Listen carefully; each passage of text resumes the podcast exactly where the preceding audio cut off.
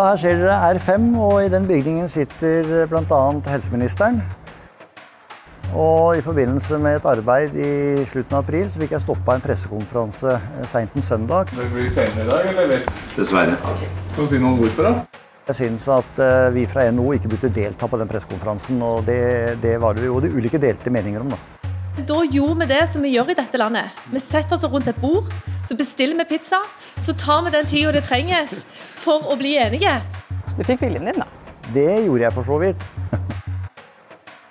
Nei, jeg heter Stein Lier Hansen og er administrerende direktør i Norsk Industri, som er en landsforening i NHO-familien. Kan du huske det øyeblikket du skjønte alvoret av korona?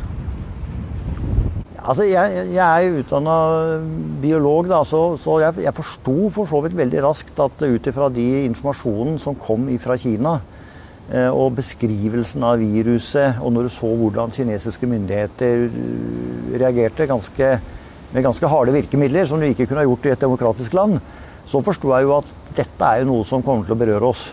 Det var ikke gått lang tid før du fikk de første klare signalene på smitte i Italia f.eks. Og da var det jo helt åpenbart at det er jo bare spørsmål om tid før vi har smitte i Norge og ja, i hele Europa for så vidt. Første koronatilfelle påvist i Norge. Ei kvinne i Tromsø har testa positivt etter å ha vært i utbruddsområdet i Kina. Vi står i en vanskelig tid for Norge og for verden. Hvor lang tid tok det før industrien ble rammet? Nei, Det ble rammet ganske tidlig. Altså, noen av bedriftene ble ramma nesten umiddelbart grafisk industri f.eks. Altså kundene, eh, kundene deres begynte å ja, de slutta å etterspørre de tjenestene. Så, så flere av bedriftene ble ramma veldig raskt, men det tok jo tid før liksom eh, ja, permitterte da, fra industrien begynte å slå ut på statistikken. Men eh, sånn midt i april så hadde vi jo statistikk som viste at vi lå mellom 15 000 og 20 000 permitterte da, fra den type industri som vi representerer. Men så så vi jo at, eh, og det er det mest skremmende kanskje for f.eks. veldig mye av vår industri, er jo eksportretta. Altså den, den leverer jo til internasjonale markeder. Og når vi så at europeisk bilindustri nærmest stoppa opp, når vi så at europeisk stålindustri nærmest stoppa opp, så skjønte vi jo at markedene for våre bedrifter også stoppa opp. Og det førte f.eks. til at eh, dette fantastiske industrimiljøet på Raufoss, som leverer avanserte bildeler på aluminium, veldig raskt måtte permittere. Stein Lier Hansen mener det ble ekstra vanskelig å holde hjulene i gang da flere kommuner innførte egne karanteneregler. For eksempel ble alle som krysset kommunegrensen inn til Vardø satt i 14 dagers husarrest. Over 120 kommuner hadde lokale karanteneregler. Ordførerne var samstemte i at det var nødvendig. Vi ønsker å bremse dette så mye som mulig. Slik at vi ikke får denne smitta inn i bedriftene, både næringsmiddel på stranda, i møbedrift og andre bedrifter. Vi setter rett og slett eh, liv og helse til innbyggerne våre eh, høyest av alt. Og da innførte vi karantene for de sør for Dovre søringkarantene. Skal vi bare kjøre hjem igjen, da? Hvorfor tok du opp den kampen mot de, de lokale karantenereglene? Ja, vi, det, det, gjorde vi fordi vi mente at det, de reglene ville påføre industrien og dermed samfunnet helt unødig stor skade. Dette var friske folk. Det var ikke noe grunn til at kommunene skulle innføre et virvar av lokale regler når staten hadde innført de reglene som var nødvendige. Vi hadde da strenge regler hvis du brøyt isolasjon? Du ble isolert hvis du faktisk var syk. Du måtte i karantene i 14 dager hvis du hadde vært i nærheten av en som var syk, altså hvis du muligens kunne være syk, og du innførte reisekarantene. Så det vi gjorde, var å vise til en kommunal praksis helt i strid med anbefalingene fra Folkehelseinstituttet, og som påførte vår industri, men næringslivet generelt, en helt unødig skade og dermed samfunnskostnad. Derfor så ble det en utrolig viktig sak for oss. For vi har, vi har vært opptatt av hele tida å finne løsninger for å holde hjula i gang. Eh, det er ikke om å gjøre at flest mulig skulle bli permitterte eller flest mulig skulle bli oppsagt. Det var viktig å finne løsninger som gjorde at flest mulig kunne komme på jobb. Det var, det var vår tenkning. Men Hvilke eksempler har du på at uh, folk ble permitterte unødvendig, eller at uh, de mistet jobben unødvendig pga. lokale karanteneregler? Ja, Vi hadde f.eks. en helt, uh, helt, spesiell konflikt i Møre og Romsdal med skipsverft, som sto i fare for ikke å kunne unngå kontrakter pga. trusselen om, om karanteneregler i de, i de, spesielle kommunene. Det klarte vi å stoppe, faktisk, fordi eh, det var en så sånn konkret eksempel at de kommunene de avsto fra å innføre eh, de reglene, på tross av at fylkesmannen da hadde anbefalt det. Men det var helt konkrete, det helt konkret region hvor det var et, et godt, en helt akutt situasjon. Vi hadde en annen situasjon, og det, det gjaldt deler av prosessindustrien. De, der er det sånn at de, det er noen få eksperter i Norge som reiser rundt i bedriftene og gjennomfører service og vedlikehold for at disse store smelteovnene og sånn skal fungere på korrekt måte av hensyn til både indre og ytre miljø. Og der fikk vi klare varsler fra de angjeldende konsernene og bedriftene at hvis ikke disse menneskene kan reise fra bedrift til bedrift uten å bli utsatt for kommunale karanteneregler, så vil bedrifter med mange hundre tusen ansatte måtte stoppe opp. Men samtidig så hadde ordføreren i Sykkylven som mente industrien også ville ha disse reglene for å slippe å få smitte inn i fabrikkene. Lyttet du ikke til den? Vi lytta til dem òg, sånn at der hvor bedriftene og kommunene stort sett var enige, uten at det gikk utover tredjemannsbedrifter, så lytta vi til det. Men vi, vi, brukte også tid til å informere eh, bedriftene våre om hva som var Folkehelseinstituttets beste faglige råd. Det er, det er nyttig å følge rådene til de aller beste. For det er jo ikke enhver lege som er ekspert på virus. Det er ikke enhver lege som er ekspert på smittevern. Sånn at eh, vi må også i den, eh, i den, delen av eh, samfunnslivet så må vi lære oss å lytte til de som virkelig kan faget sitt. NHO, LO og kommunenes organisasjon KS ble enige om å lage en veileder til kommunene for å løse konflikten med grensepasseringer. Men rett før helseministeren skulle legge dem frem en søndag ettermiddag, ble Stein Lier Hansen gjort oppmerksom på en setning som var kommet inn øverst i dokumentet. Det skulle ikke være juridisk bindende for kommunene. Det mente han undergravet hele dokumentet. Poenget var at vi mente eh, at eh, kommunene brukte loven på en feil måte. Så vi mente at det var uhyre viktig at det dokumentet hadde en autoritet som gjorde at kommunene faktisk så seg tjent med å følge veilederen. Så, så jeg ble veld, veldig overraska og skuffa og e egentlig ganske irritert. Ganske irritert? Ja, jeg var det. Eh, og jeg gikk jo da ut i media og, og anbefalte NHO til ikke å delta på den pressekonferansen. Det følte jo da til eh, en del eh, stress og usikkerhet. Og det førte da til at pressekonferansen ble utsatt, og jeg og, og en jurist ble bedt om å komme ned hit. da. Og da var egentlig, fikk jeg veldig bra feedback. Ja, det var riktig, det var riktig ja, det, det, som skjedde. fordi at nå får vi tid til å jobbe oss gjennom dokumentet på nytt igjen. Først hver for oss i, i lukka rom. NHO gikk gjennom, LO gikk gjennom, Kommunenes Sentralforbund gikk gjennom. Og etter at vi hadde gått igjennom, så møttes vi i plenum, og så begynte vi å komme med forslag om endringer da, som, som vi mente var nødvendig. Og da opplevde jeg jo at helseministeren hadde utrolig gode diplomatiske evner, og klarte da å foreta justeringer i det dokumentet som gjorde at etter vårt skjønn ble et bedre dokument, og som KS kunne leve med.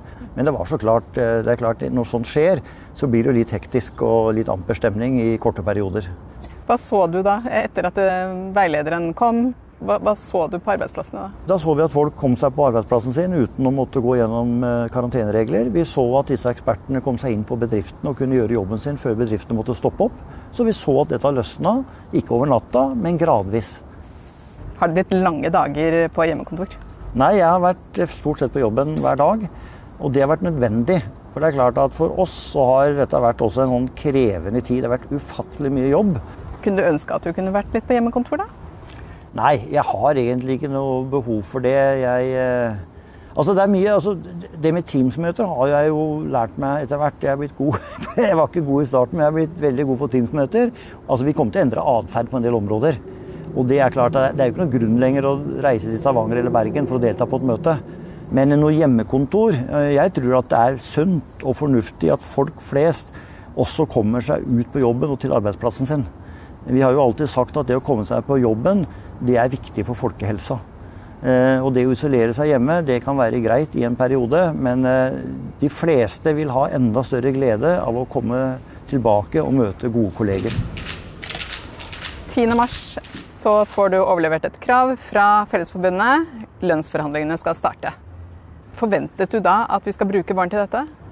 Dette diskuterte jeg med Jørn Eggum, og vi var jo usikre. Men det, det som kanskje var eh, den største usikkerheten, det var om vi klarte å samle mennesker eh, som, hvor alle holdt seg friske. Altså, det lå jo korta hvis én eller to i delegasjonene ville få, eh, få, denne virusen, så lå det litt i kortet at da var det ikke mulig å gjennomføre forhandlingene. For vi visste jo da at da måtte vi andre også i karantene, ikke sant, som mistenkt smitta. At den der lockdown og hele den der psykologien som utvikla seg rundt oss, den kom litt overraskende på oss. For en time siden ble de mest drastiske tiltakene i fredstid iverksatt for å kjempe mot koronaviruset. Nei, Da ble det jo klart eh, for, eh, for eh, både oss i norsk industri og, og de i Fellesforbundet at nå strammer det seg til. Og, og vi visste at hotellene kunne bli stengt f.eks. Restauranter Ja, vi begynte å skjønne at flyreiser kunne bli vanskelig. Og da eh, var vi vel egentlig innstilt på å raskt kunne avslutte dette her eh, gjennom å, å, bli enige om en protokoll som gjorde at vi prolongerte avtaleverket. Så når først eh, snøballene begynte å rulle, så gikk det jo fort, da. Og det er klart at LO og NHO, som også følger med på hva vi gjør, var jo også veldig innstilt på at eh, vi, vi måtte avslutte og ikke prøve å presse dette gjennom helga.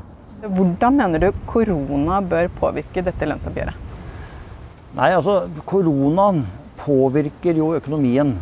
Og i alle lønnsoppgjør så er det jo veldig tradisjon for å ta hensyn til hva er de økonomiske forutsetningene for å gjennomføre et lønnsoppgjør.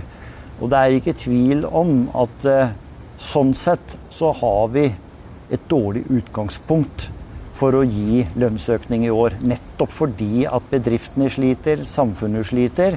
Og vi alle ber jo om en dugnad for å komme gjennom dette her. Men jeg skal ikke forskuttere noe som helst. Eh, det som er avgjørende, er å se på hvilken analyse som kommer fra Teknisk beregningsutvalg, som er liksom de som partene forholder seg til når vi diskuterer forventninger om prisstigning og hvordan har lønnsutviklinga og konkurranseevnen blitt i forhold til våre naboland f.eks. Og når vi ser hva den faktiske økonomiske situasjonen er i tredje kvartal, som jo er det kvartalet hvor vi starter eh, opp igjen den 3. august.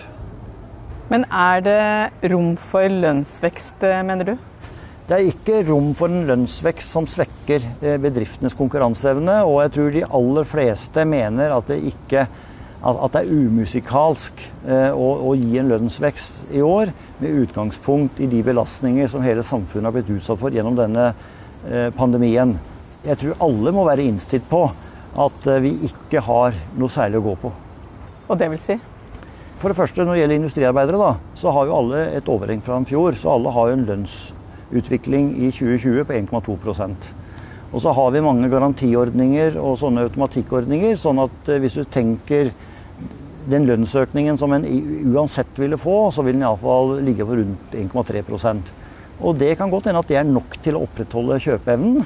Og da mener jeg allerede at et viktig krav eh, fra eh, fagforeningene er oppfylt.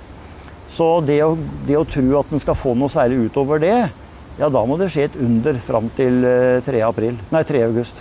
Når tror du verden er vanlig igjen for industrien? Jeg tror, ikke, jeg tror, ikke, vi kan si at vi er tilbake til en normal situasjon sånn som man var i 2019. Før vi har lagt både 2020 og 2021 bak oss. Hvem eh, av de du organiserer, tror du blir vinnere og tapere? Altså De som blir vinnere, er de som utnytter denne situasjonen til å gjøre teknologiske framskritt, og dermed har en bedre konkurransesituasjon når ting normaliserer seg. Det er en beinhard verden der ute, og vi vet at industrien i f.eks. Tyskland mottar milliarder for å forberede seg og bedre sin konkurranseevne når ting igjen begynner å fungere. Så det blir ikke noe enklere å konkurrere etter denne pandemien enn før. Hva var den viktigste lærdommen fra 2020 i din organisasjon og bransje? Ja, Det er at vi må være godt forberedt på at den type kriser inntrer. og da, Derfor er det enda viktigere at vi har robuste økonomiske systemer. Altså Vi må ikke tro at vi kan leve på marginalen. Vi må være forberedt på at den type tilbakeslag kan komme. Og da trenger vi enda mer økonomisk bærekraftige bedrifter. Og det må vi få til en dialog med med politikere om, og det må vi få til en dialog med fagbevegelsen om, sånn at bedriftene våre er enda mer robuste rent økonomisk til å takle en sånn situasjon når han først opptrer.